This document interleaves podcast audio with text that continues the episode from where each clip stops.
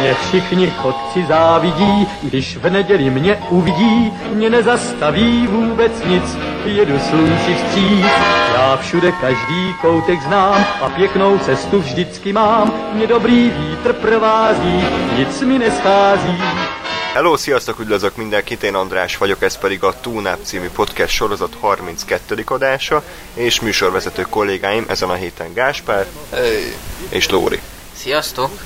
Nos, múlt héten ugye egy random műsorra készültünk, válogatott filmekkel, nem is kevésre, több mint tízzel ö, számoltunk be, és akkor most is egy ilyen random adást tervezünk felvenni, de most jóval kevesebb filmmel. Elsősorban a Majmok bolygója forradalom lesz a legfontosabb ebben a műsorszámban. Viszont mielőtt rátérnénk a lényegre, én mindenképpen szeretném elmondani, hogy bármiféle észrevételetek vagy hozzászólásotok van, akkor azt több helyen is tudjátok nekünk jelezni, vagy e-mailen tunap314.gmail.com, vagy a Facebook oldalunkon, vagy pedig a videó alatti kommentekben is ezt nyugodtan megírhatjátok, filmeket is ajánlhattok, ígérjük, hogy egy listát már vezetünk róla, hogy ugye ki milyen filmet küldött be, és akkor azokat, amint tudjuk, mindenképpen a műsorban is elővesszük és beszélünk róla. Nos, akkor kezdjünk is egy ilyen filmmel, amit az egyik hát rajongónk küldött be. Ez a Pofa Be francia vígjáték, bár a vígjátékot Gáspár az kifejezésében lehet inkább idézőjelbe kéne tenni ez esetben. Lóri, te láttad? Nem. Nem. Igen, de kivételesen egy helyen vagyunk, tehát András nem a Skype-on keresztül látja az arcomat. Uh, bár mondjuk ez sem lenne megoldhatatlan, de mindegy. Igen? A modern technika csodája. Há, úristen, igen, felfedezem a webcomat, meg hasonló a dolgokat. 20 éves technika csodája. Semmi gond. Igen, szóval kaptunk egy ajánlást, hogy a, a Pofa Be című filmet azt, uh, azt nézzük meg és, és beszéljünk róla. Uh, a felkérésnek egyedül én tettem eleget, mert én ugye Jó, alázzál még. Persze, fényezem még magam egy kicsit. Nem, nekem van ennyi szabad időm, hogy ráérek random filmeket nézni. Ö, tehát megnéztem, és um, előre bocsátom, hogy nem a kedves beküldőt ö, szeretném fikázni, hanem a filmet. Ugyanis ö, nekem egyáltalán nem tetszett. Ö, Ennyi, köszönjük. Köszönjük szépen. Azt akkor véleményt Ez szokás szerint Igen. összeszeretten és hosszadalmasan tudok beszélni egy filmről egyedül, mint mindig. Nem igazából, uh, tehát ugye elvileg ez egy vígjáték, gyakorlatilag ez a film egyáltalán nem volt vicces. Volt benne egy darab poén, amin ők tényleg őszintén és hangosan felnevettem, de azon kívül gyakorlatilag farcerültem még az egészet, mert mert, mert sokkal inkább kínos volt az egész, mint vicces. Tehát látom, hogy ott a Reno próbálja játszani a, a, a, a kemény maffia arcot, meg ott van vele szemben a Gerard Depardieu, aki meg a, azt a, a félhülyét játsza, és, és így érzem, hogy milyen pillanatokat szántak viccesnek, csak azok a pillanatok nem voltak viccesek, tehát így kínos volt az egész igazából. A, a végére meg eljutott egy olyan irányba az egész, hogy gyakorlatilag semminek nem volt semmi súlya, tehát ott a végén simán lelövöldöztek embereket, és, és semmi dráma nem volt belőle, tehát De vicces se volt. hát nem, nem, tehát a Depardieu lelőtt egy pár embert, és így kész, és ütem, hogy most akkor ennyi, tehát hogy mert ez egy végjáték, akkor, akkor nem számít, hogy itt meghalnak emberek, vagy tehát nem azt mondom, hogy nyilván van, vannak olyan szituációk, amikor, amikor egy ilyen esetet, tehát hogy valaki lelő valakit, nem kell halál komolyan, mert lehet az ilyen is röhögni, mert Persze. meg lehet úgy csinálni, de itt nem ez volt, hanem itt, itt ugyanúgy farcerültem, és, és uh, fogalmam nem volt, hogy most akkor itt uh, mi a franc van. Nem lehet, hogy franciául nézted felirat nélkül? Sem miatt. Uh, nem. Szinkronnál néztem igazából. Uh, maga a szinkron egyébként nem volt, nem volt rossz, sőt az, az, az oké okay volt, A de... szokásos hangok, nem? Igen, igen, igen.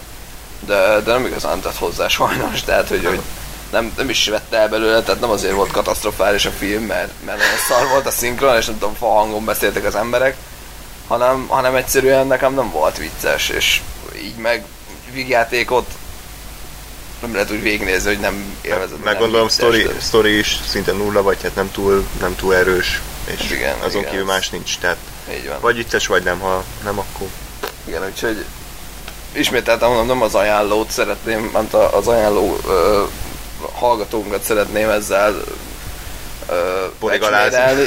Köszönöm. Tehát ez nem, nem neki szól, ez a filmnek szól, és továbbra is az én véleményem. Én megnéztem, nekem nem tetszett, ettől függetlenül, ha valakit érdekel, az tegyen vele egy próbát, aztán vagy egyetért velem, vagy nem, ezt ugyanúgy lehet jelezni, hogy ki mit gondol a dolgokról. És legalább rövid egyébként, ott ilyen 90 perc maximum. Azt hiszem nem túl hosszú, tehát azt milyen másfél. Igen, rendezőjével tudott Na. Peter Jackson. Hát tehát tényleg ilyen másfél óra körül van. Csak Nem jó. így, így, így lemegy a film, és semmi. Jó, oké. Hát ettől függetlenül ez még ne, ne szegje kedveteket, tehát így, Igen, ezt- ezt- ja, zseniális felkonfutál, most lehúzzuk a vérbe, de ez csak a Gáspár véleménye, mi, mi elhatárolunk. Kösz. De hát is még a másik szobába, jó? Légy szíves. No, Sőt, mi kérünk meg, hogy diszidálj. diszidálj a másik szobába.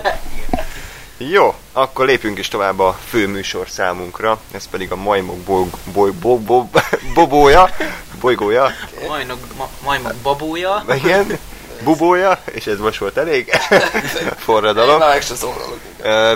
Babója. azért tovább kellett vinni. Tehát utána számoljunk, hogy ez hanyadik rész? Ez kérlek Öt, 5 hat, plusz nyolcadik? 1 plusz 2.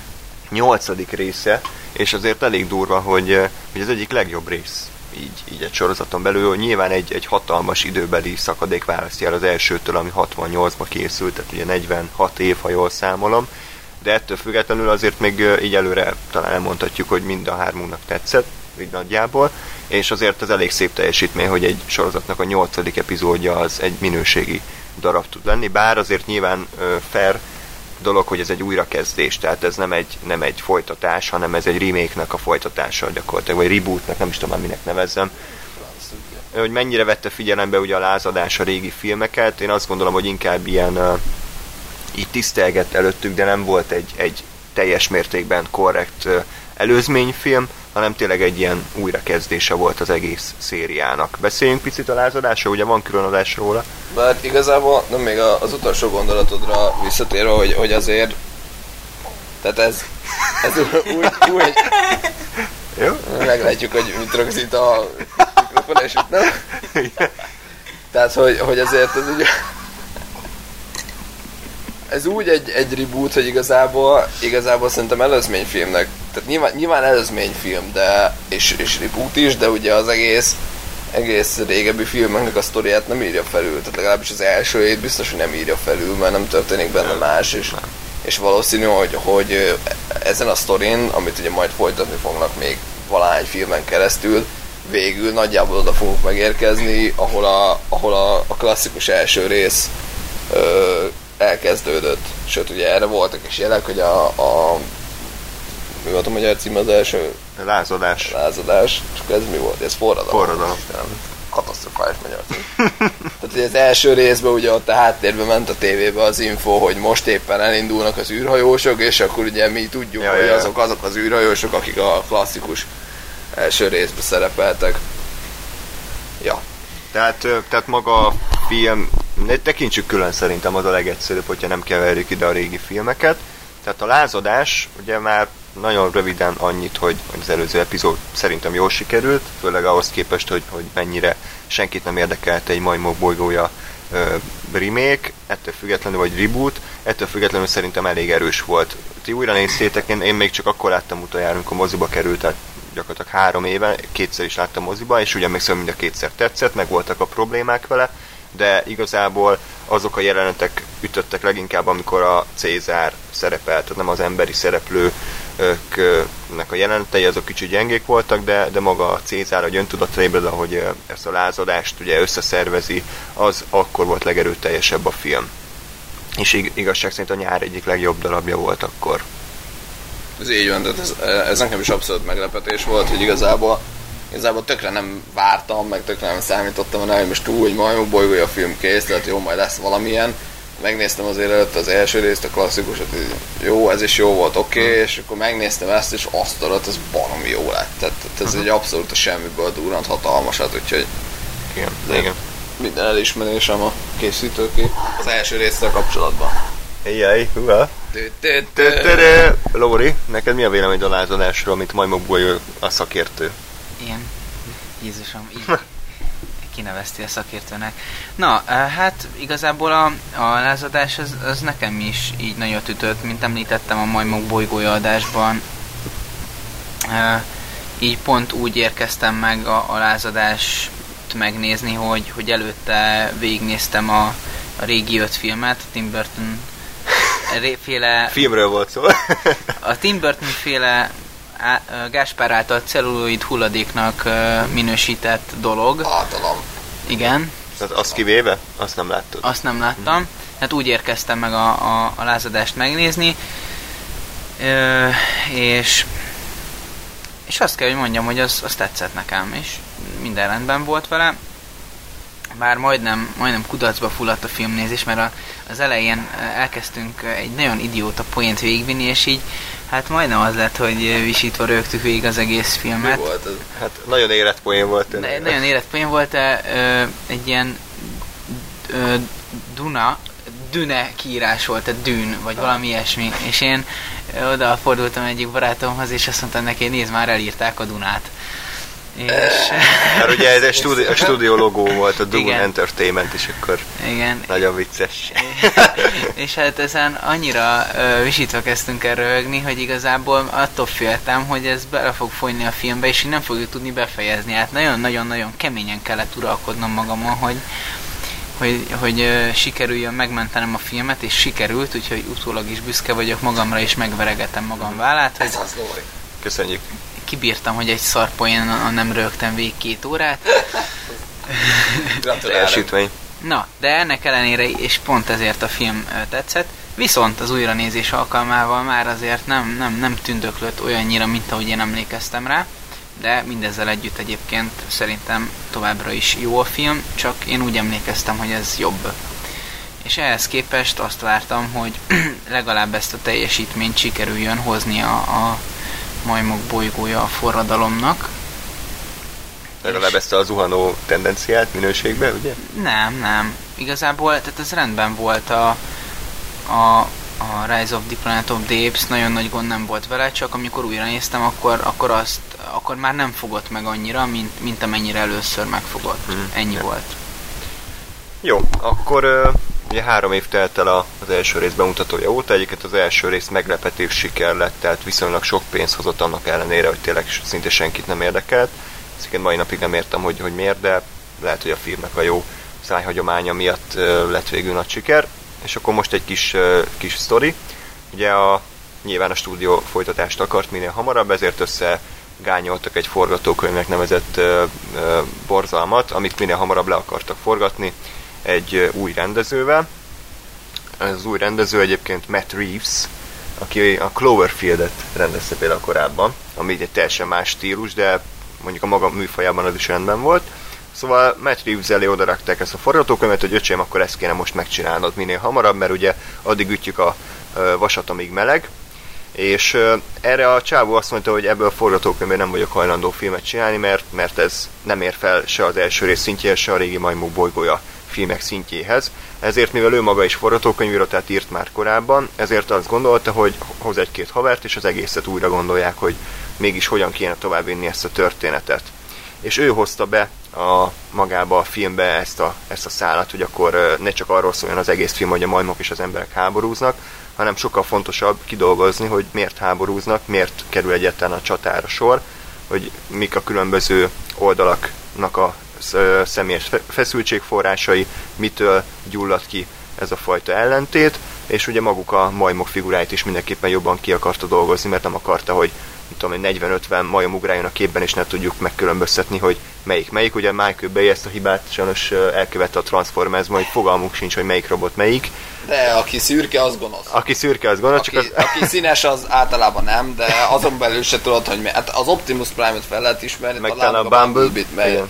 Sárga, meg az Optimus, meg Optimus, és két ezen kívül a, az, a többiek. Tehát Igen, tehát hogy, hogy eh, ezt, a, ezt a hibát akarta elkerülni, és azért nem lehetett egyszerű dolga, mert tényleg azért ezek a szürke majmok, nem lehet őket beszínezni sárgára, meg zöldre, attól, hogy megkülönböztessük őket. Minden esetre ez a jó munkát végzett, és miután újraírták a forgatókönyvet, eltolták a premiért, így utána mutatták be a filmet, és egyébként kritikailag és, és talán anyagilag is még az első résznél is nagyobb sikert eredményezett ez az alkotók számára. Nos, ti mit gondoltatok, hogy felére az elsőhöz? Nyilván már mindenki elmondta nagyjából a véleményét, de mintha még nem hallottam volna. Mit gondoltatok erről a filmről, az elvárásokhoz képest, mennyire teljesített jól, mennyire találtátok ezt a újraírást mondjuk eredményesnek? Hát Hogy- még nehéz megítélni, Jó, jó, tehát- fogalmam nincs, hogy mi jó, jó, de- volt az, tehát- amit nem fogadtak el. Most így azt mondtam, hogy, hogy mi volt a célja a rendezőnek, és akkor ez most gyakorlatilag mennyire sikerült a Igen. végső filmben akkor átadni. Nem tudom, kivel kezdem először a negatív pólus, vagy pozitív. Nem mindig én. Jó, jó, jó. Tehát, hogy a szokás szerint akkor így a, a két vállamon a, az ördög és az angyal, úgyhogy most az angyalhoz adom a mikrofon. A Lóri, kérlek, mesélj a filmről, hogy tetszett. Ja, bocsánat, mielőtt még meg tudnál Mielőtt- mielőtt- Levegőt igen, és ugye Már 20, csöndben is maradtad. 20 perces kávészület, tehát hogy az Uránia moziban néztük, ami egy elég hát, érdekes választás volt, de ugye mi a Cinema City nem hajlandó bemutatni a filmet, ezért Lóri tanácsára az Urániában néztük meg, ahol, ahol a mielőtt éjfélt üt az órát is, és egy nagyon szép terem volt, és végülis nem volt annyira gáza a vetítése, tehát nem volt annyira fapados szerintem. Mi, mi az, hogy hát képzeljetek el egy ilyen szinte rokokó díszítésbe hajló termet, ahol egyébként azon flasheltem, néha oldalra pillantottam, és egy tükörből is tudtam nézni a filmet, zseniális volt. Igen, az időnként zavart ők, óriási robbanás volt, meg izé hirtelen fehér fényesség, hogy, hogy így oldalról is bevillant, ilyen, ilyen Igen. kicsit IMAX hatás. Így, ez, a, ez a csóra ember IMAX, egy kurva egy vászlunk van, Tükör. egy kis vászlunk, meg két tükröt oda rakunk oldalra, és akkor ugyanúgy bejön oldalról az effekt. Néha engem zavart egyébként, de, de alapvetően teljesen jó az uráni egyébként. Uh-huh. Meg árban is egyébként nagyon kedvező volt, tehát a diák egy, főleg neked, de azt arra most ne beszéljünk, rohadt csaló. Tehát a, figyelj, apukám, jó helyre kell suliba. Jó, oké, okay. jó van. Tehát a... Igen, tehát hogy a, a maga a diák egy az 700 forint volt, a felnőtt pedig 1200, tehát azért az elég korrekt, ráadásul most így megsugom a diákot el se kérték, tehát aki mondjuk diáknak néz ki, az lehet, hogy tehet egy próbát. Szóval, Lóri. Bújtad fel a hallgatókat. Igen, de én, én, én nem mondtam semmit. Csalás. Valami interferencia volt a vonalban. Igen. Tudod, mi ez az interferencia? Igen. Na. A, a Ferenceknek a beavatkozása. Jó. Maradj. A- Az internacionálnak szurkoló Ferences Endi szerződések jöttek, és így rádugták az Így van. Nyilván, Na, Jó. komoly adás még. És komoly szakmai vélemények hangzanak el. Na, a szóval... majommester szól hozzánk. Szóval, ö, hát így a, a Majmok bolygója a forradalom, ö, az egy kifejezetten jó film lett szerintem. Én úgy ültem be rá, hogy nem akartam már semmit elvárni, én már pofára estem többször ezzel, hogy, hogy annyira vártam valamit, hogy na fú, ez, ez nagyon jó lesz majd előre, biztosan. Úgyhogy úgy ültem be, hogy jó, azt mondták, hogy ez jó, de mindegy, lássuk meg, üljünk le, nézzük. És és kifejezetten jó lett. Az elején egy kicsit megijedtem, mert ugyan nagyon ötletes volt az, hogy nem hallottuk azt, hogy, vagy nem értettük, amit a majmok beszélnek, hanem feliratozták, tehát ez kifejezetten jó volt, hogy ezt bevállalták, viszont így, hogy ezzel indult az első mondjuk 5-8 perc, egy kicsit megijedtem, hogy na most olyan végig ilyen lesz a film. Nyilvánvalóan várható volt, hogy nem, de de azért egy kicsit megijedtem, mert se, tré- se trailer, se semmit nem láttam, egyetlen borítóképet láttam az egészből, ahol három darab majom volt, tehát még embert sem láttam a plakáton, hát akár elképzelhető lett volna a szemszögemből, hogy végigvisznek egy majomdrámát, amitől egy kicsit tartottam, de hát nem, mert így valahogy a, az első 10 perc második felében megjelent az első ember, és akkor kicsit leesett a kő a szívem, hogy jó, még embereket is fogunk látni, és aztán szépen fokozatosan be- bemutatták a két oldalt, San Francisco, tehát ugye ott van a Golden Gate híd, Csak és közben elég a fél város a háttérben, úgyhogy intézem. Kirohansz és eloltod. Ez az, a hős. szóval a San, a San Franciscoi Golden Gate híd két oldalán, az egyik oldalán vannak a majmok, a másik oldalán az emberek, és hát az az alapállás, hogy, a, hogy az embereknek már fogyóban van az en, energiaforrásuk, amivel áramot tudnak termelni, és áramra pedig szükségük van, és ez egyetlen e, ez irányú dolog, ami erre a problémára megoldást jelenthetne, az a majmok oldalán van, és éppen ezt az erőművet szándékoztak felfedezni, amikor is belefutottak a majmokba. Ott történt egy kis incidens, ami, amiből kifolyólag, hát gyakorlatilag a, a majmok egyfajta erődemonstrálásként átvonultak az emberek oldalán, és megmondták, hogy a híd a határ, nem jöttök át, mi sem jövünk át, ennyi. De hát az embereknek kellett az energiaforrás, úgyhogy éppen ezért megpróbáltak lepaktálni a majmokkal, de időközben történtek egyéb jellegű dolgok, és, és mégis egymásnak estek. Gyakorlatilag röviden tömören erről szól a film, és nagyon tetszett az, hogy, hogy ténylegesen motivációkkal ruházták fel mind a két oldalt, nem volt árnyalatlan a film, hanem, hanem tényleg meg, meg tudtuk érteni egyik oldalt, és meg tudtuk érteni a másik oldalt. Mind a két oldalon, ha bár nyilván nem, nem vonat, nem voltak nagyon-nagyon-nagyon újszerű karakterek, tehát azért sablonokból építkezett többé-kevésbé ez a film is, de de látható volt az, hogy, hogy, hogy mindenkinek vannak motivációi ebben a kérdésben. Egyik, egyik tehát se az emberi, se a majom, a, a majom oldal nem volt egyoldalú, hanem ott is volt megosztottság, és, és pontosan ez képezett egy olyan feszültséget, amit, ami végigvonult az egész filmen egyetlen jelenetet sem éreztem fölöslegesnek, és, és minden, a legtöbb jelenetben egy, egyfajta feszültség ült végig rajtam. És nagyon tetszett ez, hogy, hogy, hogy állandóan azt érzem, hogy minden rezdülésnek tétje van.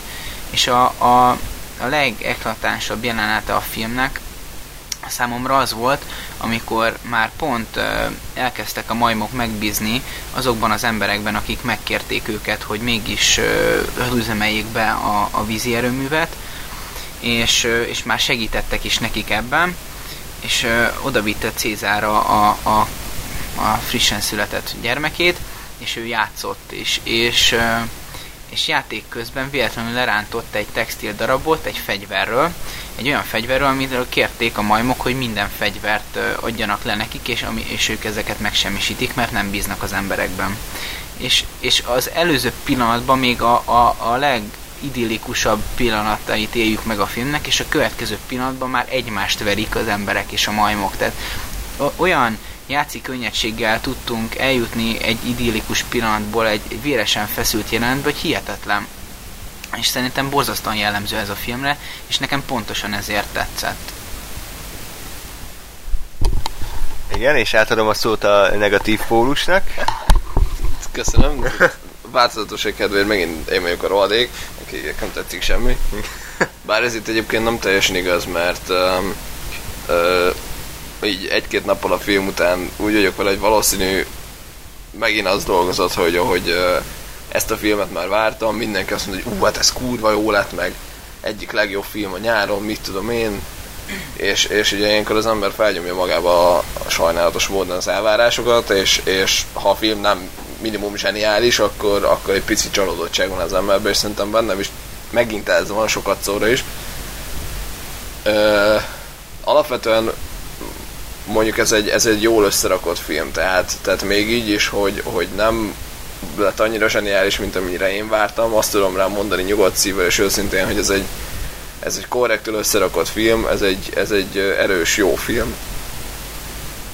Ami, ami zavart, ez igazából, amit a Lóri mondott, hogy, hogy sablonokkal építkezik a dolog, főleg karakterek szintjén, és, és, és, és engem az zavart, hogy igazából megvan a majmoknál, és az az egy rohadék karakter, aki ugye utálja az embereket, meg megvan az embereknél is ez a egy vagy két hülye, aki utálja a majmokat, és pusztán azért, mert, mert ez a két-három hülye egymásnak megy, ezért aztán egy ilyen totális háborús helyzet lesz a, a vége a dolognak, és nekem ez, ez nem volt annyira gördülékeny, tehát ez nem volt annyira sima átmenet, mint amennyire kellett volna, vagy, vagy nem tudom, tehát kicsit, kicsit ilyen, ilyen úgy éreztem, hogy, hogy ők most egymásnak esnek, és akkor háború lesz, mert hogy oda kell eljutnunk, hogy háború legyen, és nekem ez annyira, ez a megoldás nem, nem jött be, sajnos, tehát e- ez, ez egy fájó pontja volt nekem a filmnek. Ami, ami még zavart, bár ez lehet, hogy már csak ilyen nagyon személyes dolog, hogy a, a castingot nem teljesen értem. Olyan szempontból, hogy ö, itt van nekünk egy Gary Oldmanünk, aki aki egy ilyen majomutáló, picit agresszív, ilyen, ilyen ö, fegyverhez nyúló embert alakít, és itt van a, a fogalm nincs, hogy hívják a színész, meg ki ez, aki a tudóst játszotta, a főszereplőt? Ki ez a szerencsétlen? Malcolm. De. Már megint? Fog- Fogalm nincs ki, Ki, ez. ki a főszereplő csávó, igen. a kalapos? A, nem tudom, hogy kal- biztos kalapja volt, igen. Hát Az az, apa, az apa. Malcolm. Igen.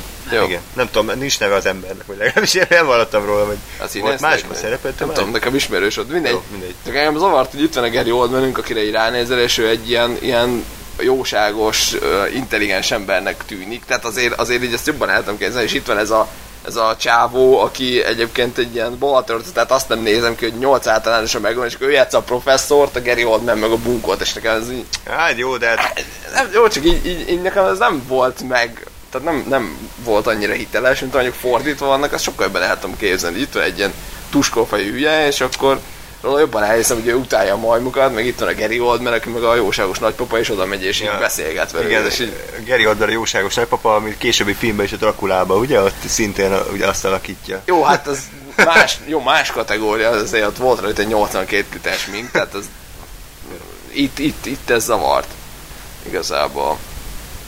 De, de maga a film egyébként nem, nem rossz, nekem annyira nem jött be. ez a baj a sztárokkal. Tehát ö, volt ö, mindegy, ez most lényegtelen, hogy milyen körülmények között, de láttam, amint egy ember nézi a gravitációt, és, és pont annál a jelenetnél láttam, amikor, amikor a, a George Clooney elszakad. És a reakció az volt, hogy Sandra Bullock mekkora egy köcsög, mert hogy George Clooney-t nem szabadna elengednie. De ott nem George Clooney van, hanem egy, egy, egy karakter, akit éppen George Clooney játszik el. Tehát nem George Clooney-val cseszett ki, de ezért haragudott rá, mert George Clooney jó fej, és George Clooney, George Clooney-t nem szabadott volna elengedni. Jó, kicsit belepofázok, mert a gravitáció, hogyha már a majmok bolygójáról beszélünk, a gravitációval az a kritikám, hogy mondjuk ott a filmben pont nem sikerült kb. így semmi karaktert bárkinek írni. Tehát George Clooney az George Clooney-t játszott. Pont. Tehát Yes. ugyanazt a karaktert játszott, hogy minden filmben, csak most űrruhában volt, nem Batman jelmezbe. És emiatt érezhette azt az ember, hogy ne hagyd, hogy George Clooney elrepüljön, mert nem egy karaktert látott, hanem a színész. Tehát lehet, hogy ez a filmnek a hibája, nem? Igen, de, Igen, de, de ge- itt csináltunk nagyon sokat Gary Oldmanből. Hát egyébként Hát nagyon vázlatosan volt felépítve az ő személye, mert nem köré épült a film. De jól játszott, tehát szerintem jó volt. Tehát a, Rendben volt. kb. úgy nézett, mint a Batman 3 forgatásáról lépett volna át ide, csak leborotválták a bajszát, ugye ő volt Igen. a felügyelő, és uh, mondjuk ő, Gary Oldman pont egy olyan színész, aki bárkit eljátszik, tehát volt ő már pszichopata állat, a Leona profiban, meg Dracula, meg a ötödik elemből volt a főgonosz, ugye, tehát bárki volt, és, és így szerintem tök jól játszott, főleg abban a jelenetben, amikor a Apple reklám mutogattuk, de az egy jó jel, nekem az tetszett, az, az egy kurva jó jelent volt. Nem találtak Az, nem, egyébként nekem pont ez, pont ez zavart benne, hogy tudom Gary Oldmanről, és ezért úgy mondtad, hogy a Drakulát is eljátszotta, és, és, és ott jó volt. Nekem az, az zavart, hogy itt, itt em, nem tudom, valahogy nem. Tehát nem... tehát Nem, nem. nem, az, nem, tehát nem az volt a bajom, hogy én most Gary Oldman-t játszom, látom, és nem azt látom, hogy ő egy karaktert jelenít meg, hanem itt valahogy az volt a, az érzésem, hogy így ránézek, és, és nem hiszem el róla, hogy ő a bunkó, miközben a, a balta arcú csávó, meg a professzor. De Tehát amúgy- Lehet, hogyha külön-külön lettek volna, vagy csak az egyik, akkor nincs ilyen bajom, csak ebben a felhozatalban, meg kicsit egyébként arra is számítottam, hogy a Gary Oldman lesz a főszereplője ennek az egésznek. Hát mondjuk ez, ez igen. És akkor így, így jön a sok, hogy ez a, ez a, ez a tényleg a szegény csávodnál a földbe döngöltem, hogy hogy néz ki. Tehát így ránézek, és tényleg nem hiszem el róla, hogy, hogy ő egy tudós, és közben ott van a Gary Oldman, és, és, és így fura volt De nekem. amúgy, amúgy nem, mondtad ezt a Gary Oldman, de én nem emlékszem, hogy akkor a tajparasz lett volna, tehát ő semmi rosszat nem csinált a film, csak a végén kicsit megőrült, de hát a film 99%-ában ő próbálta vezetni az embereket, és a majmokkal szembeni utálat se jött át annyira persze. Hát azért, azért Jó, a film... nyilván nem volt izé puszipajtás, de így, így egy korrekt vezető volt nekem. Alap, alapvetően a Gary Oldmannek az volt az egyetlen célja, hogy azt tudja, hogy ők ott vannak emberek, azt tudja, hogy kevés már az energiaforrásuk, és azt tudja, hogy fogy, fogynak ott az emberek, és a körülményeik egyre rosszabbak. Tehát erőforrásokat kell szerezni, és azt mondja, hogy ha vannak még mások, akik túlélték ezt az óriási ö, járványt, amire az első film végén ugye a, a hírét megkapjuk, akkor velük föl kell venni a kapcsolatot. De ehhez is energia kell, tehát az elsődleges az, hogy energia kell. Akkor is, hogyha majmok nem akarják odaadni, mert nekünk erre szükségünk van, és ő nem akarja leigázni a majmokat, nem akar semmit csinálni majmokkal, nyilván nem szívleli, hogy most ebből a helyzetből ők jöttek ki jól, de alapvetően neki ö, az, a, az a célja, hogy a saját kis kolóniáját előre lendítse. És semmi, ö, tehát az ellenszem az csak akkor épül ki benne, amikor már azt látja, hogy hát a majmok jönnek, és le akarnak minket gyilkolni. Ezzel annyiban nem értenék egyet, hogy ugye, ha jól emlékszem, úgy, úgy haladt a film, hogy amit mondtál, hogy ugye, véletlenül összetalálkoztak a majmokkal, az emberek, akkor az emberek visszamentek, gyakorlatilag elmondták, tehát a Gary Oldman is megtudta, hogy ez van, és neki kb. itt a második mondatában benne volt az, hogy oké, okay, akkor elmegyünk és hozunk fegyvereket. És nekem ez nem tetszett, hogy meg se próbálta azt, hogy amit aztán a, a Malcolm még csináltak, hogy oda menni, megbeszélni, tárgyalni, kulturáltan, békességben egymás mellett létezni, hanem ő egyben azt mondta, hogy oké, okay, hozunk De nem fegyvereket. ő engedte el a Malcolmékat erre a túrára? És azért nem próbálta ezt meg, mert ő, ő sem hitt abban, hogy, hogy a majmokkal lehet érdemben tárgyalni. Ugyanis tehát amikor, amikor oda mentek a Cézárék, és a Cézár bár egyszerű szavakkal, de emberi nyelven elmondta, hogy mik a feltételek, akkor kb. mindenki állt, mint egy tök. Mert nem hitték el, hogy a majmok képesek kommunikációra. Ők azt gondolták, hogy a majmok primitív élőlények, csak valami, valamilyen ö, dolognál fogva elég értelmesek ahhoz, hogy akár embereket gyilkoljanak. De hát ezt nyilván nem akarják hagyni, és ezért. Tehát, hogy nem, nem hitték azt, hogy ők elég értelmesek ahhoz, hogy, hogy velük tárgyalni lehessen egyáltalán. Ezért akartak fegyverhez nyúlni. Értem, csak engem ugye zavart, hogyha meg se próbálnak velük tárgyalni, tehát van nekem ez az ilyen pacifista. egy, magy- egy majommal? Hát minimum, tehát ha már azt látom, hogy oda jön hozzám és emberi nyelven beszél, akkor minimum azért megpróbálok oda menni, és esetleg legalább felmérni, hogy, hogy, hogy akkor tényleg milyen szinten állnak, és esetleg meg lehet vagy lehet tenni velük valamit, anélkül, hogy kiírtanánk egymást. De Tehát... egyébként most miről beszélünk? Tehát most arról beszélünk, hogy ez egy ö, rossz forgatókönyvírói megmozdulás volt, vagy arról, hogy a Gary Oldman karaktere most milyen, mert most tehát most ezzel te mit akarsz mondani? Tehát mi a... Én ezzel azt akarom kritika? mondani, hogy nekem, nekem ami emiatt, mert ő egy ilyen, tehát ő azonnal a fegyverhez nyúlt volna, nekem ez a karakter a Gary Oldmanhez nem illik. És, és nekem ezért volt egyébként antipatikus a karakter is. Aha, mondjuk nekem szimpi volt. De Jó.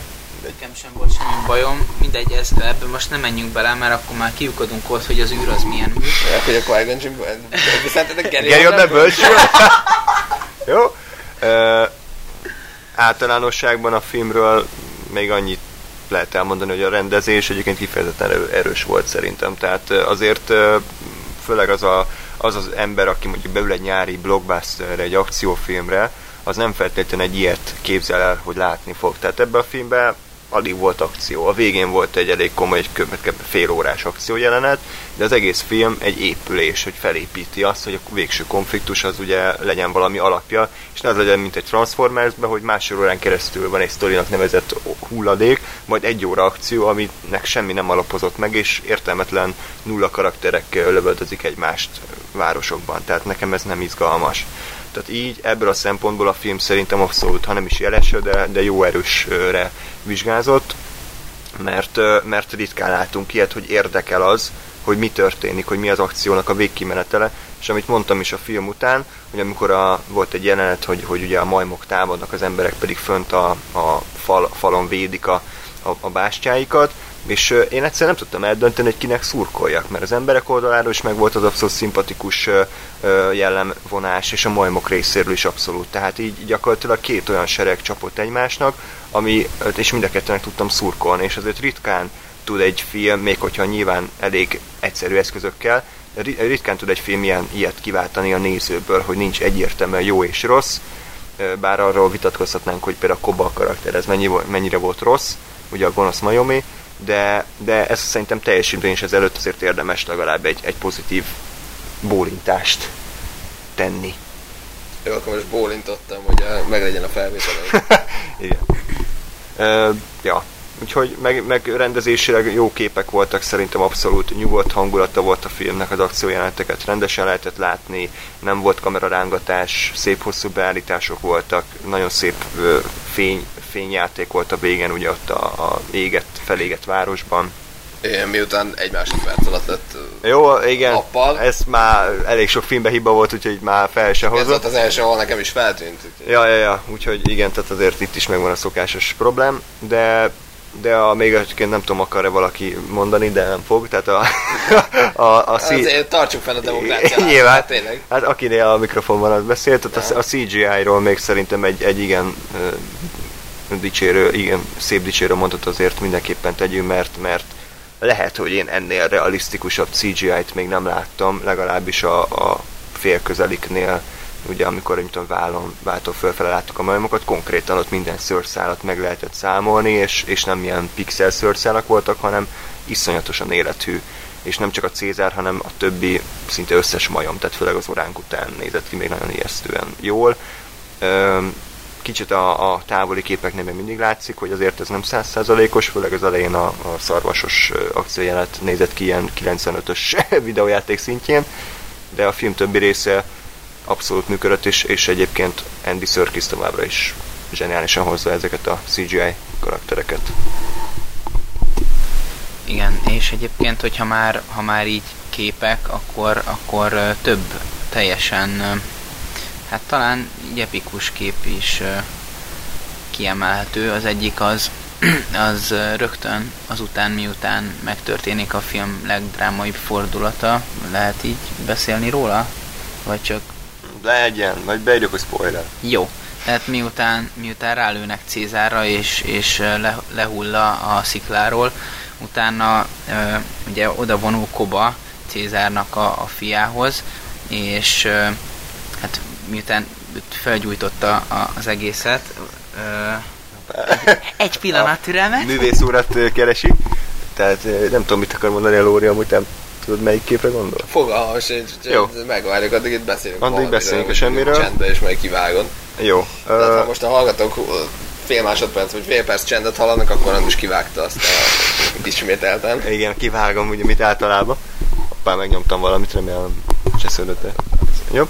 Ö, tehát összességében akkor ez a nyár továbbra is elég erősnek mondható meg ez az idei év, főleg a tavalyihoz képest, tehát hogy most így lassromba vesszük, azért a X-Men is jó volt, ez is uh, holnap határa, uh, nekem a Amerika kapitány is is szódával elment, tehát ez kb. ilyen Thor 2 szint. Tehát nem volt vele baj igazából, egy, egy jó kis film volt, biztos voltak még vállalható darabok, de azért elég erős ez a nyár, mondjuk még van a Guardians of the Galaxy, ugye, amit, amit főleg te vársz, de, de szerintem, szerintem is mégis jó lesz, meg még a Nolan Interstellárja lehet még epikusabb darab, de az majd csak ősszel. Szóval, Szóval, a, a, arról, a, arról a pillanatról beszélek, amikor amikor ott állnak egy kövön, kör, körbe majmok, és akkor fölgyújtotta a saját ö, kis, hát nem tudom, városukat, nevezzük így, és, és minden lángokban, és akkor Koba fölhívja az egész közösséget, hogy na akkor a, egy konferencia hívás.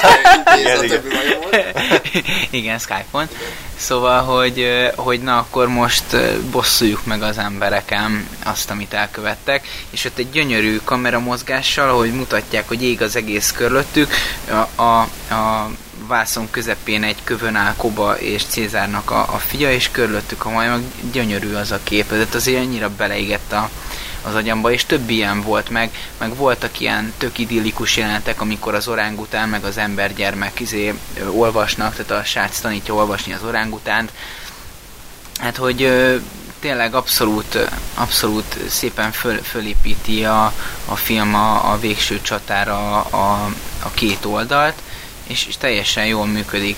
És időközben egyébként elolvastam a, a Majmok bolygója regényt is, amiről most nem fogok különösebben beszélni, csak olyan vonatkozásban, hogy, hogy olvasva a könyvet, hát gyakorlatilag semmelyik film nem, tehát a, a régi öt film sem nagyon veszi figyelemben a regényt, tehát a Tim Burton féle ö, ö, izé, az, az körülbelül annyit, annyit ment át belőle, hogy van egy bolygó, ahol vannak majmok, meg van egy majom, akit Hektornak hívnak, tehát körülbelül ennyiben támaszkodik a regényre.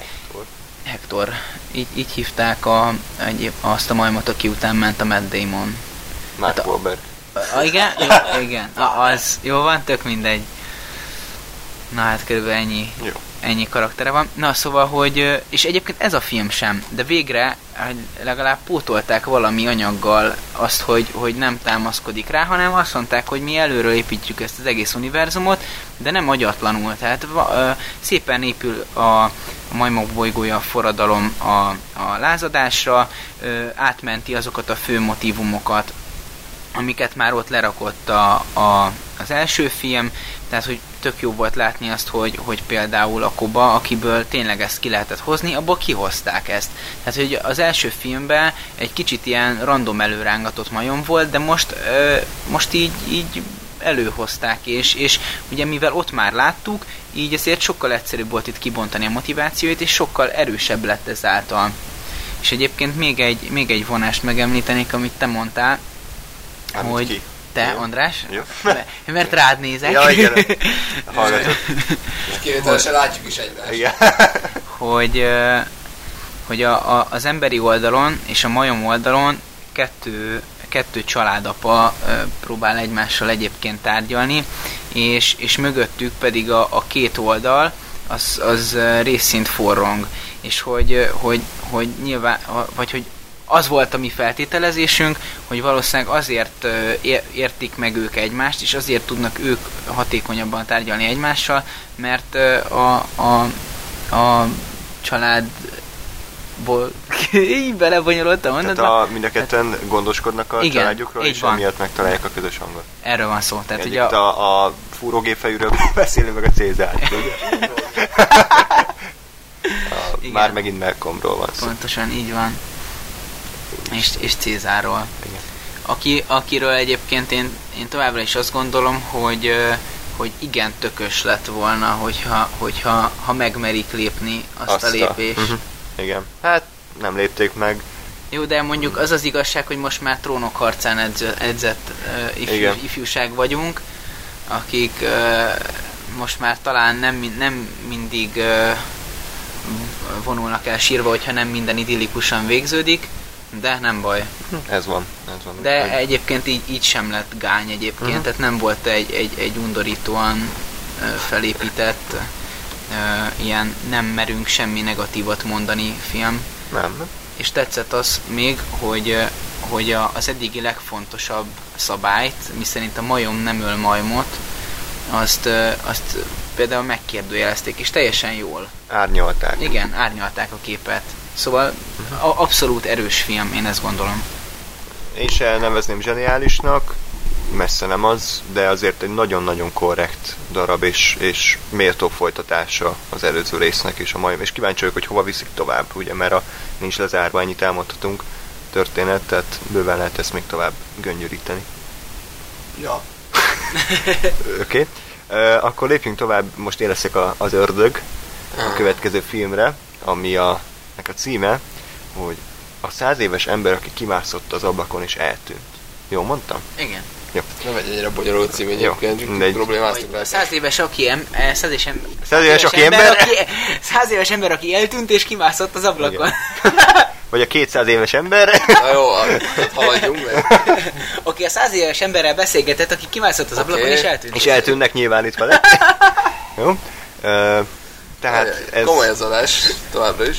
Ezért a filmért eh, Lórit hibáztatom, mert az ő, az ő ötlete volt, tehát az lényeg, hogy a, az Óbuda Center, vagy mi a fene, Óbuda Center. vagy Eurocenterben 590 forintért lehetett megtekinteni ezt a darabot, és hát ö, azt gondolta itt a majom barát, hogy miért ö, ne, miért ne néznénk meg. Ugye ez egy, egy skandináv vígjáték, vagy mi ez? Mi, volt odaírva. Vígjáték. Ö, Gyakorlatilag a, a kritikák úgy emlegették, hogy a skandináv Forrest Gump, és ö, úgy, szintúgy regény adaptáció, és szintén egy, egy ember életét is meséli el, miközben a jelen szála is ugye göngyölődik.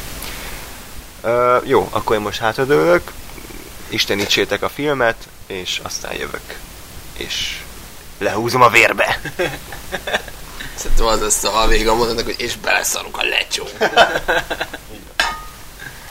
Na, akkor popázok én, mert csak.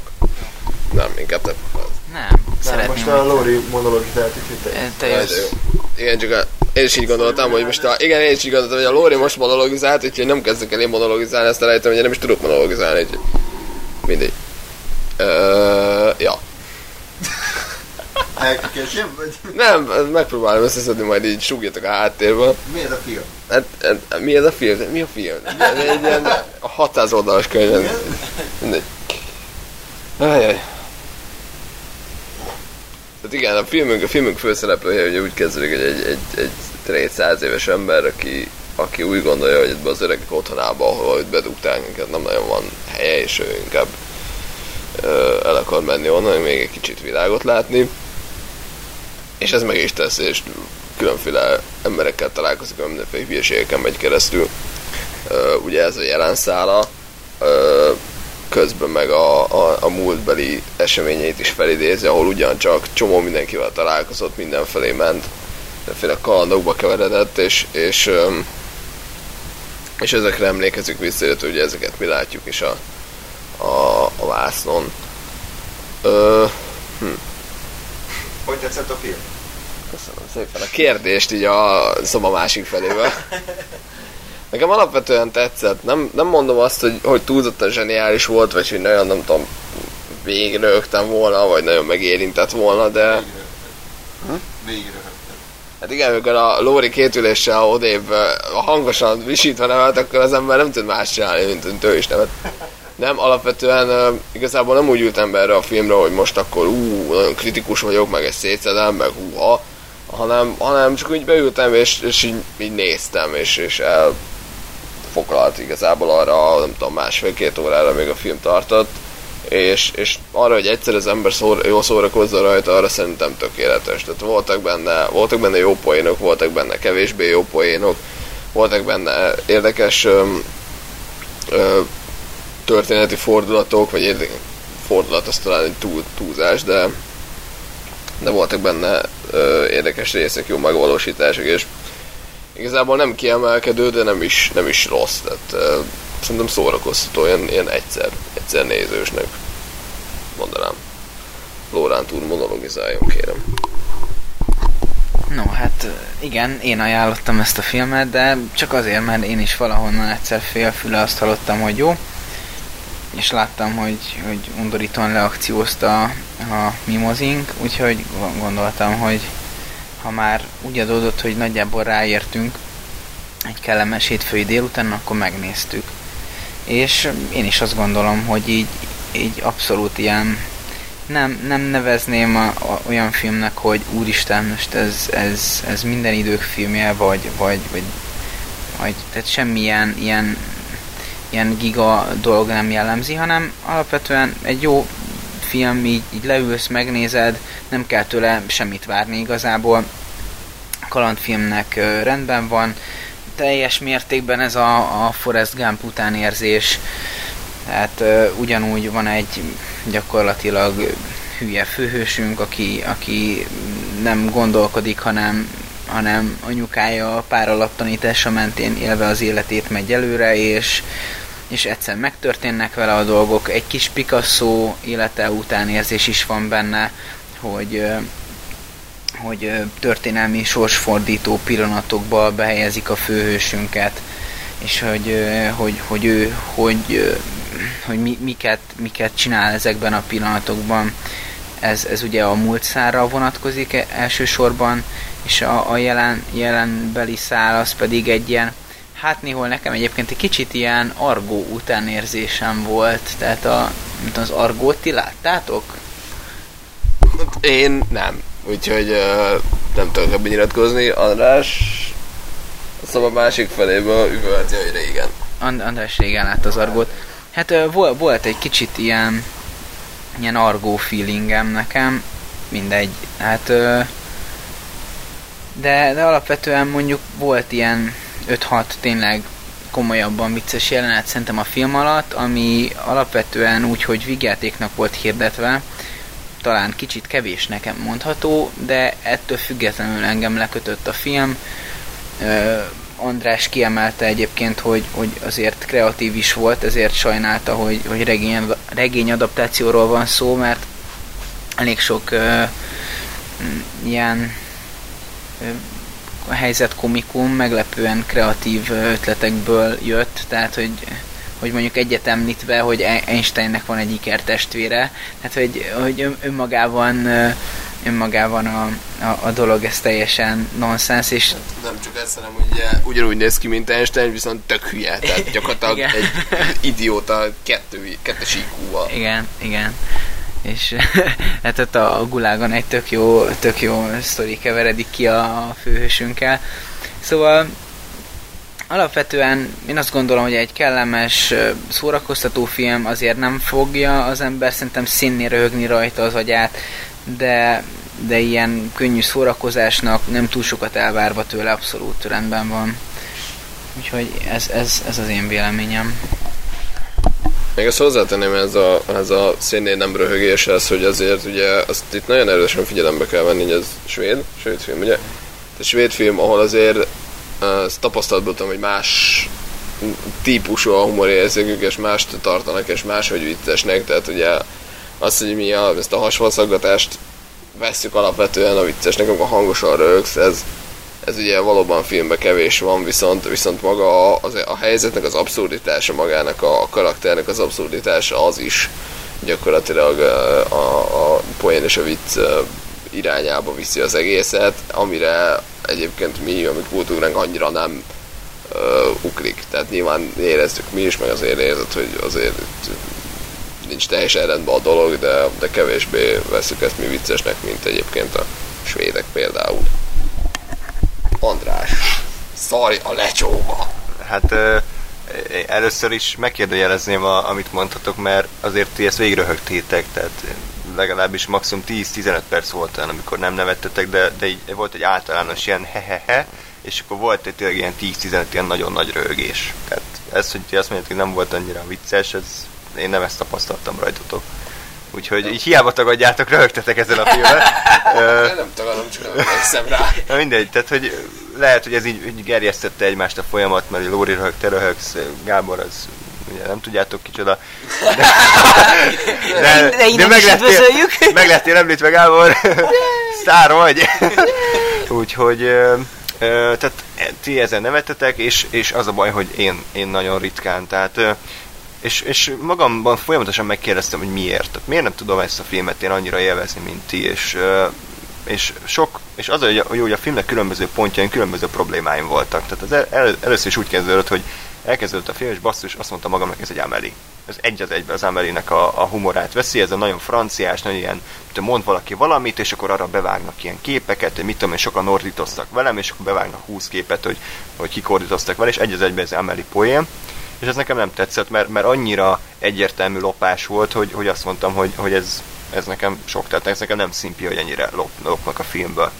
Aztán a következő probléma az volt, hogy ez nem egy emberi, hanem ez egy Forrest Gump, és, és tényleg az volt, tehát hogy tényleg, amit Lóri mondott, hogy az anyja élete tanácsát viszi tovább az ember, ez is egy az egybe Forrest Gump, meg hogy ő így utazik, és akkor mindenféle kalandokba keveredik, történelmi eseményeket is ugye valamennyire megváltoztat. Tehát ez, ez, ez se tetszett, hogy, hogy a filmnek nincs egy önálló stílusa, hanem minden onnan lopkod össze, és, és, és ez ilyen összefércelt valami, nem gány, mert jól rakta össze, csak én, én folyamatosan azt éreztem, hogy ez olyan, mint amit ami van egy van a BKF-en egy ilyen feladat, hogy na most rendezetek egy olyan filmet, ami olyan, mint a Forrest Gump. És, és a, annak az elemeit használjátok fel, és ez egy tök jó darab, csak nem egy egyedi film. E, aztán, a, aztán rájöttem, hogy mi a legnagyobb problémám, az, hogy a főszereplő karaktere az nincs. Tehát ez, ez nem egy karakter, ez a száz éves ember, hanem ez egy, ez egy, ez egy, ez egy vicc. Egy nagybetűs két lábon járó vicc, aki azért van, hogy minden jelenetben ő legyen a vicc. Aki, aki, aki vicceset mond, aki elcsesz valamit, vagy aki nem ért valamit, de ez nincs kidolgozva, nincs mögötte karakter. És azért zavart, mert, mert a Forrest Gumpban és az Amelie-ben is azok se voltak hihetetlen mély karakterek, de azt éreztem, hogy egy igazi ember szerepel, itt pedig nem éreztem azt. Azt éreztem, hogy ez egy, ez egy, ez egy olyan ö, karikatúra, aki, aki csak azért hülye, hogy legyen hülye. De miért volt ez az ember hülye? Tehát mi volt a, az oka, hogy ő hülye volt? Meg volt magyarázva, hogy ő miért hülye? Ez Gump hülyeségének volt oka? Igen, az, hogy alacsony az IQ-ja. Valami 70-es vagy 60-as IQ-ja van. És ennyi bőven el. De itt miért? Én ezt tipikusan erre a, a skandináv vonalra helyezném, hogy igazából nem kell ennek az embernek uh, tudnunk, hogy most tényleg 70-es az iq vagy hogy hülye, vagy hogy hülye egyáltalán. Uh, hanem, hanem egész egyszerűen abból, hogy van egy ilyen passzív, semmit nem csináló ember, aki, aki belekeveredik dolgokba, ez is a, a, a szituációknak a, a helyzet komikumát adja, vagy erősíti, hogy itt van egy, egy hülye, aki mit tudom én, találkozik Stalinnal, és akkor maga baromságaival ö, eljut valahonnan valahova. És akkor következő alkalommal meg, mint tudom, Oppenheimerrel találkozik, mond valami hülyeséget, és, és megint, tehát hogy, hogy nekem nem hiányzik az, hogy most itt tudjam, hogy ki ez az ember, meg mi ez a karakter, mármint egy ennél, ennél mélyebben, hogy ő egy ilyen passzív igazából, meg igazából az az egy mondat, ami az anyját, tehát amit az anyjától kapott, az, az igazából meghatározza szerintem annyira a karaktert, amennyire kell. Tehát, hogy, hogy ő nem gondolkozik azon, hogy mit csinál, vagy mi legyen a következő lépés, vagy mi miért történik, hanem él bele a világba, és jön ami jön, és, és ennyi a karakter. De nekem ez, ez nagyon lusta megoldás, tehát hogy gyakorlatilag egy, egy kabaré figurát hánytak a vászorra, aki tényleg olyan, mint amit tudom én a mikroszkop színpadot bekapcsolom, és akkor mennek a poénok, és kész. De nem, tehát azzal nem törődnek, hogy legalább egy minimális jelenbe legyen a főszereplőnek, hanem ő, ő csak egy, tényleg egy két lába járó ö, ö, rajzszínfigura, és akkor kész ennyi. Tehát még a mellékszereplőkben is sokkal több érzelmet, vagy értelmet, vagy, vagy, vagy mélységet láttam, mint ebben. Azt tudom, hogy hívták a főszereplőt.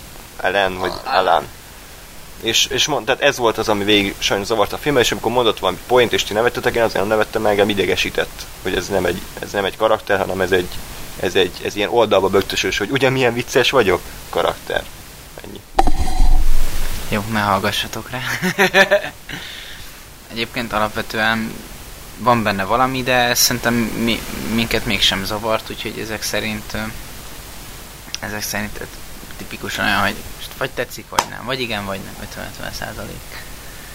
De egyébként alapvetően jó.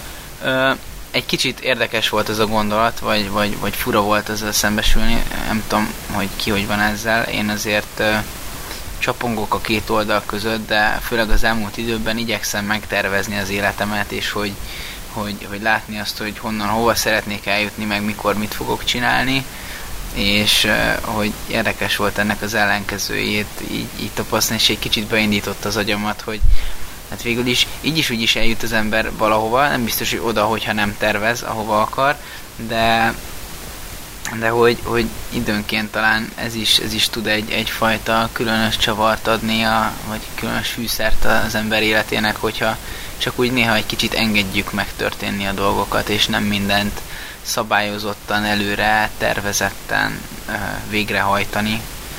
Ez egy érdekes gondolata gyakorlatilag a filmnek, vagy legalábbis számomra. Jó. Tehát akkor abban megegyezhetünk, hogy a száz éves ember egy hulladék, és senki nem nézze meg soha ezt a szak. Nem, nem, egyébként ajánlom. Köszönjük, akkor innentől én átvettem a műsor vezetést, és meg kivágjuk az ablakon, bár egy is próbálja magával a mikrofon. Nem, tehát én is azt mondom, hogy Ajánlom. Marha őszinte volt, tényleg, mindenki elhitte. Igen. Jó, neked nem tetszett, nekünk igen, kész, haladjunk. Jó, következő filmeket gyorsan rendez le. Dracula 1931 és 1992. Így van, megint én fogok monologizálni, mert nem tudok. Csak hogy mindenki örüljön neki. Ezt azért elmondom becsületből, hogy igazából mindegyik filmnek az első felét néztem csak végig. Illetve mielőtt megnéztem a filmeket, elolvastam a nem mondom, hogy a könyvet, mert mint uh, volt szerencsém uh, ki, ki kitalálni, vagy rá, ráakadni arra az információra, hogy a magyarul megjelent uh, uh, Dracula gróf válogatott rémtettei az nem a teljes uh, Bram Stoker féle Dracula szöveget uh, tartalmazza, hanem annak hát valamilyen uh, változatát, amiből ezt meg azt kiszedtek. Igen, ezt úgy tudtam meg, hogy ott végigolvastam ezt a könyvet, aztán kurva ideges lettem. Úgyhogy aki, aki esetleg szeretné elolvasni a teljes könyvet, az vagy angolul tegye ezt, mert abban legalább minden benne van, vagy azt hiszem, hogy 2006-os fordítás, és talán az Európa kiadó adta ki, és szimplán Dracula a címen az, az a teljes, tehát a, a Dracula Agróf válogatott rémtetteit, ezt kerüljétek el messziről, mert az nem a teljes történet. Na. Ami egyébként ennek ellenére, ennek ellenére is ö, nem lesz értelme, ha így kezdem. Jó. Tehát, a fura, hogy ennek ellenére is egyébként működik a történet abszolút, és a, és a könyv egyébként nagyon, nagyon tetszett nekem. Amiatt, hogy gyakorlatilag a levelekből és, és újságcikkekből épül fel, tehát nem azt olvasom, hogy XY elment ide és oda, és ezt meg azt csinálta, hanem az, hogy az egyik karakter ír a másiknak egy levelet, amiben leírja, hogy ma ezt csináltam, vagy, vagy, vagy, vagy naplót ír magának, és abban leírja, hogy mi történnek, meg újságcikkek hasonlók, és ez egy olyan, olyan egyedi hangulatot ad az egész könyvnek, amit egyébként egyik, tehát a két általam látott film közül egyik sem hozott vissza, amit én nagyon sajnáltam. Ugyanis a könyvnek az, a, az az egyedisége, hogy nem Dracula a főszereplője. Itt igazából az első, nem tudom, pár ö, fejezetben vagy, vagyunk ott Dracula kastélyában, utána megtudjuk, hogy ő Londonba utazik, és ö, onnantól, hogy a Londonban van, nem őt követjük, hanem a, a, az általa hát megtámadott ö, ö, embereket, illetve nőt, illetve a hozzá, tehát a körülötte álló embereket, tehát a, a, férj jelöltjét, a barátnőjét, annak a férjét, őket, őket ismerjük meg, és az ő levelezésükből tudjuk meg, hogy mi történt.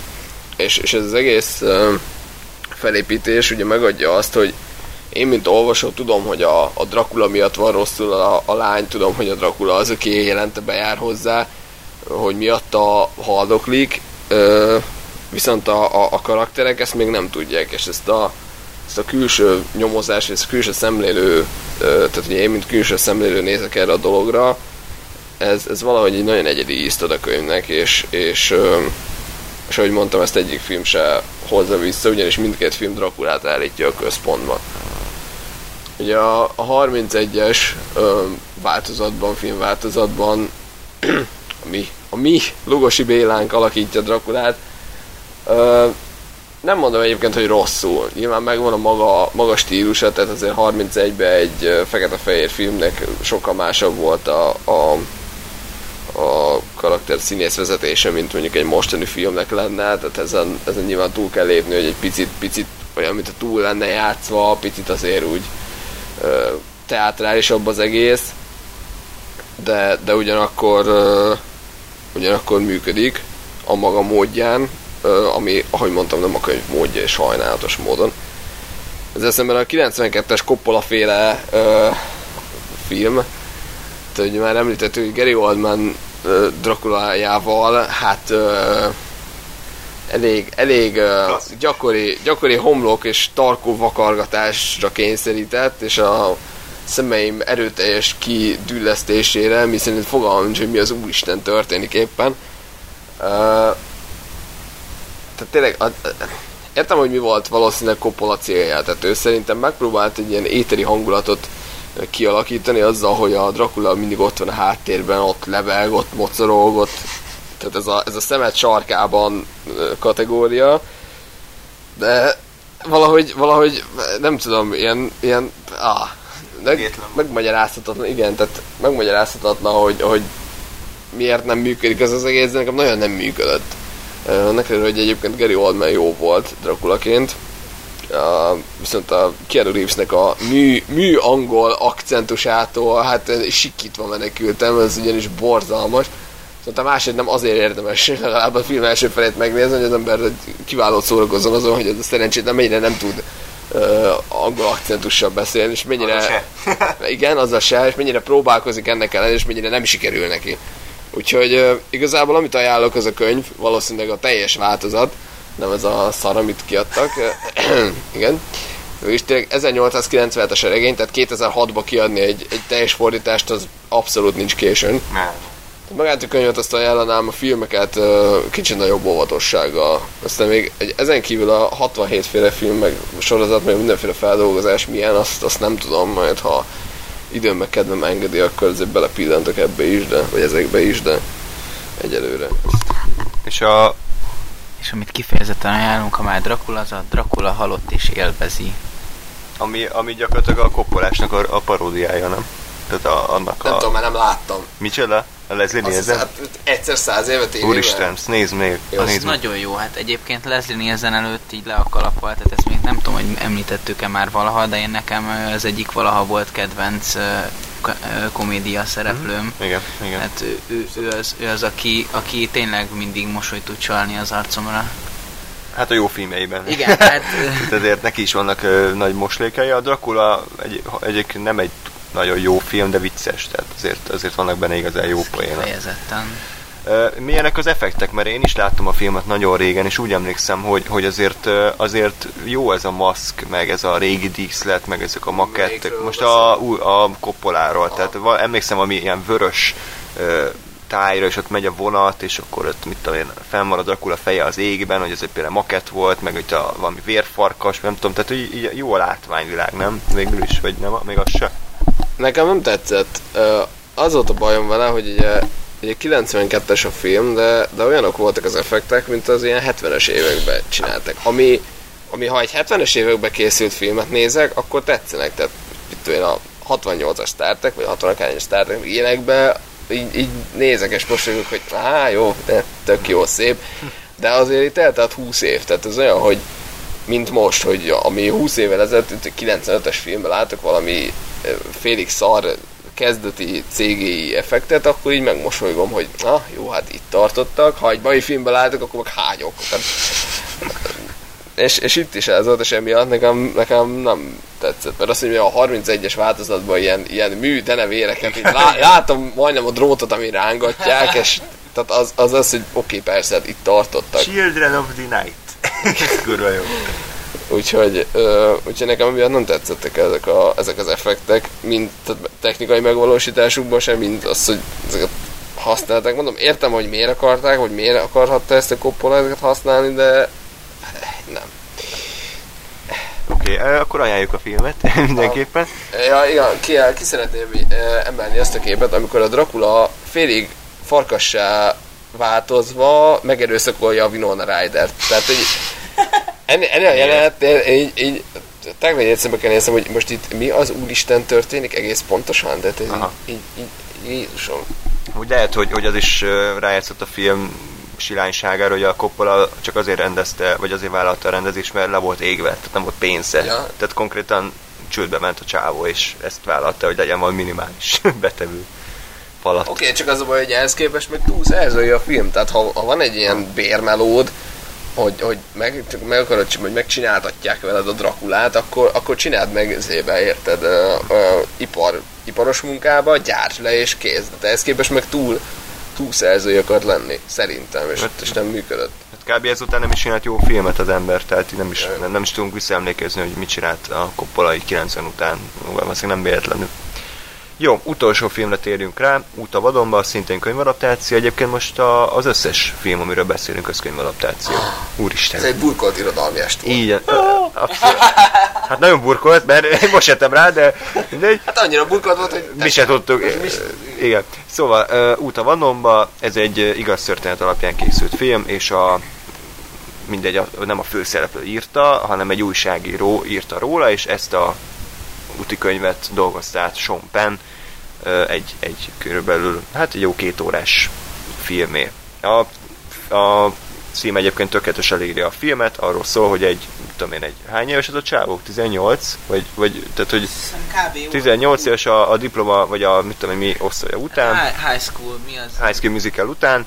Ö, ö, úgy elege lesz a, a anyagias életből, hogy tárgyaktól függ, hogy, hogy, hogy el, előre eltervezik az egész életét, és úgy hogy, hogy az egész életét hátrahagyva elindul a vadonba, és Alaszka felé veszi az irányt, és bejárja, hát ha nem is egész Amerikát, de azért elég változatos tájakon jut keresztül. Hát ahogy ezt el képzeljétek, találkozik sokféle emberrel, sokféle kalandba keveredik. Um, és nagyjából ennyi. Tehát így, így, így a film azt hozza, amit ez alapján elképzelnénk, talán annál egy, egy fokkal jobb, mert képileg nagyon rendben van, változatos, a film tele van narrációval, egy nagyon jó, meghatározó atmoszférája van. Nekem kifejezetten ez az öreg, öreg emberes részt tetszett valamiért a legjobban, szerintem az, az ütött, kicsit drámailag is, de, de nagyon ajánlom a filmet, kicsit elfelejtették, pedig az IMDb top 250-ben azt hiszem benne van, így ugye az, az alapján választottuk ki, hogy megnézzük. Igen. Öm, ennyi. Jó film, abszolút rendben van. Ennyit, ennyit tudok mondani, mert, mert igazából nagyon nem lehet elemezni, mert mondom, a, a mondani való egyértelmű, és egy lineáris történetvezetésről beszélünk. Ami, Viszonylag. ami keretben van. Igen, igen, igen.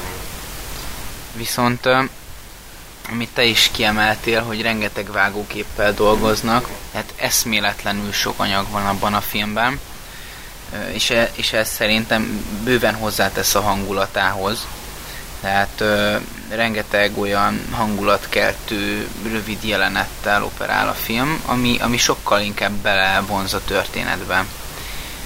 A másik pedig, hogy, ö, hogy a a keret, amiben van, az, az, az, az ugye nyilván hát egyetlen helyhez kapcsolódik, a, a, a fősünk végcéljához, Alaszkához. És akkor el, elindulunk innen, és szépen utána a, a fle, hát ilyen flashback-szerűen épül fel a, a film, és a flashbackek viszont már lineárisan követik egymást, hogy hogyan, hogyan indult el, és hogyan jutott el Alaszkába és van egyfajta történeti felosztása is, ő önmaga felosztja az életét, és az életét oly módon, hogy a, a, az indulást onnantól kezdve, hogy gyakorlatilag megszökött, azt nevezi születésnek. Tehát egy, egyfajta újra születés, vagy újra, önmagát újra teremti a, a srác, és, és ebben különböző szakok, szakaszokra osztja az életét, és egészen ezt mindezt Alaszkáig megteszi. És amiért egyébként szerintem érdekes ez a, ez a történet, vagy ez a film, mert nem tudom, hogy, hogy ki hogy van ezzel, de egy félig meddig én is már játszottam hasonló gondot. Nyilván nem azzal, hogy én most lelétszelek, és itt hagyok csapott papot. Azért hála a jó égnek kicsit rendezettebb családi háttérrel rendelkezem, mint ő ugyanis hát ugye a szülőknek a, az állandó veszekedése és, és kibírhatatlan viselkedése volt az egyik gyújtópontja a, a főhősünknek menekülésének.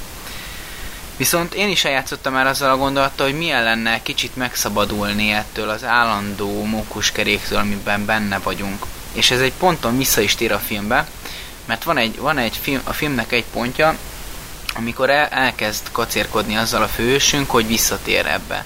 De már annyi, annyi idő eltelt azóta, hogy, hogy ő járja a vadont, egyébként ebben voltak visszatérős időszakok, tehát kisvárosba élt és, és dolgozott, és, és ott mondjuk összeszedett annyi pénzt, hogy, hogy utána újra vándorolhasson de az megint egy kisváros volt, de aztán amikor bekerült talán, talán Miami, nem emlékszem ben biztosan, de, de valami dél, dél USA beli nagyváros, akkor, akkor egész egyszerűen rájött, hogy ő megundorodott ettől teljes mértékben, és, és hogy soha nem fog ide többet visszatérni. És igazából egy kicsit talán azt közvetíti számomra a film összességében, hogy, hogy ahhoz, hogy igazán boldogok legyünk, ahhoz nem nincsen szükségünk alapvetően sok mindenre. És, és, ezt, és e- ezt bizonygatja a hősünk is, és a, amit kiemelt András, az egyik számomra is leg, legemblematikusabb része a filmnek, az, amikor találkozik egy idős úrral, akinek viszont a teljes élete a munkája. Gyakorlatilag már nyugdíjas emberről beszélünk, nincsen ö, senkie, hiszen a, a feleségét és a gyermekét ezt elveszítette egy autóbalesetben, amin, tehát ő nem volt ott, ezért élte túl, és, és, és az egyetlen dolog az életében az, hogy dolgozik. És a főhősünk, Alexander, az megpróbálja neki megmutatni azt, hogy ő mit talált ebben a, az új útban, és, és hogy például ez, ez, ez hogyan ez egy nagyon nagy hát most nem, nem, nem tudom ne- elmondani, hogy egy ez mit jelent, úgyhogy inkább nem mondok semmit, de hogy, hogy így nagyon meghatározó élmény szerintem mindkettőjük életében az ő találkozásuk. És jó- volt azt látni, hogy, hogy, hogy azzal, hogy, hogy, hogy a főhősünk nyitottá vált arra, hogy, hogy beszéljen emberekkel, egy csomó, egy csomó mindenhez sokkal érettebben kezdett el hozzáállni. Hát csak a, a vége egy kicsit, egy kicsit szomorúra sikeredett. Én nem tudtam a, a végét, hogy pontosan mi. Egy kicsit meglepő erővel érintett, de, de egyébként alapvetően szerintem egy jó film, és, és hogyha valaki nem látta, akkor érdemes megnézni. Igen, A Vince Vaughn-nak kb. ez szinte egyetlen értékelt színészi alakítása. Bár itt se játszik semmit, de legalább nem idegesítő, úgyhogy Csukva van a szája? Nem. nem, nem, itt is, itt is nyitva van a szája. Sean Penn-ből egyébként nem néztem volna ki ezt, mert ő egy színész alapvetően, és azért képileg nagyon, nagyon szépen egybeokott a film. Ami, amit akartam mondani, hogy ha már képi világ, hogy rengeteg olyan kamerabeállítás van, mint hogyha természetfilmet néznénk. Tehát abszolút ilyen természetfilmes jellegű kamera használat van egy csomó helyen. Meg így kb. tényleg szinte mindent bevetett, ami, ami egy rendezőnek az eszköze lehetett. Flashbackek, narráció, kézikamera, ilyen természetképek, ilyen kiírások a képernyőre, osztott képmező, tehát rengeteg ilyen elem volt, és talán miatt is visz magával a filmben változatos, és mindig tényleg újabb, újabb kalandokba keveredik a fős, és nem unalmas a film, mert, mert kb. mindegyik más tanulsággal szolgál, ha lehet egyáltalán ilyen, ilyen tanulságokat a filmből levonni de, de a jelen, az Alaszka szál se annyira unalmas, bár ott mindig picit leül a film, mert ugye egy helyen játszódik, de ott is azért ugye a főszereplőnek a, hát már inkább a, a lefele menetele így a, így a ö, utazásban is azért megvannak a maga pillanatai. Nekem például nagyon tetszett az, hogy hogy, hogy tudjuk meg, hogy ő egyre rosszabbul van, hogy az övet, amit kapott csávot, az ugye egyre inkább szorosabbra húzza, és egyre inkább éhezik, ugye nem talál magának ételt, és így ezt így érzékelteti a film. Jó, nem rövid, de érdemes megnézni. Esper? Vélemény? Nyolc éve láttam a filmet, tehát semmire nem emlékszem belőle. Jó. Amúgy 7 éves éves. nem baj, de, de te már 8 És? éve láttad. És? Neked előbb megmutatta a Sompe, hogy Gáspár jó lesz így, tuti, és akkor azt mondtad, hogy nem, még egy évet várjatok vele srácok, és akkor Igen, még erre nem érett meg a közönség. igen. Jó, akkor, akkor most uh, szerintem ennyi bele is zárhatjuk ugye a, a mai műsort. Kösz, Úristen, ez egy rövid adás. Azt a rohadt élet. Úristen! Ilyenkor szokott azt mondani, hogy ja, várj, még eszembe Még eszembe jutott. Egy, egyébként nekem tényleg! Oké? Hát akkor... Rori? Rori. Hogyha visszatérhetnék a Molymok bolygójához egy, egy, egy rövid gondolat erejéig, én szeretem ezeket a, a számomra tanulságosnak nevezhető dolgokat kimazsolázni a filmekből, és ami, ami nekem ott tetszett, mint gondolat, az az, hogy, hogy a, a, az egymással való tolerancia fontossága az, az, az hogyan, az, az menny, tehát mennyire fontos a tolerancia? Jó, tehát röviden ennyi, hiszen uh, alapvetően ez mérgezi meg mind, a, mind az emberi, mind a, a, a majom tábornak a, a közhangulatát, hogy nem képesek egymással toleránsan viselkedni, és pontosan ez, ez gerjeszti Kobát olyan cselekedetekre, amik kevésbé nevezhetőek etikusnak, és pontosan ezért kezdenek el az emberek is hát úgy viselkedni, bár mondjuk az emberi oldal kicsit érthetőbb abból kifolyólag, hogy a majmok kezdték el a háborút. Igen, igen, igen, igen. De, de hogy alapvetően a, a, az egymással való tolerancia ö, hiánya az, az nagy konfliktus faktor lehet, és ezt szerintem tök jól érzékelteti a film. Abszolút, úgyhogy, úgyhogy jó, jó darab továbbra is a forradalom. Na, és akkor hát akkor még egyszer köszönjük, hogy, hogy meghallgatotok minket továbbra is, akkor jelentkezünk a, a jövőben, már valószínűleg nem random adással, tehát mindenképpen valami, valami külön csemegével készülünk. Jaj, jaj. Jaj! És ettől függetlenül azért, azért, ahogy mindig most is szeretném, hogyha bármilyen észrevételetek van, akkor ezt jelezzétek felénk, hiszen mi is itt tudunk fejlődni. Tehát, hogy így valamennyire hallgató, még hallgató barátabbá válni, hogyha megkapjuk a visszajelzést, hogy jó ez így, vagy ha nem, akkor, akkor hogy lehetne még jobb. És filmeket is mindenképpen küldjetek, lehetőleg ilyen vállalható színvonalat, bár nyugodtan szart is lehet, maximum nem beszélünk róla Nem nézzük meg. nem nézik meg. Srácok, akkor köszönöm nektek is, hogy így összejöttünk, és akkor legközelebb valamikor valamivel jelentkezünk, addig is minden jót kívánok nektek, sziasztok! Hello!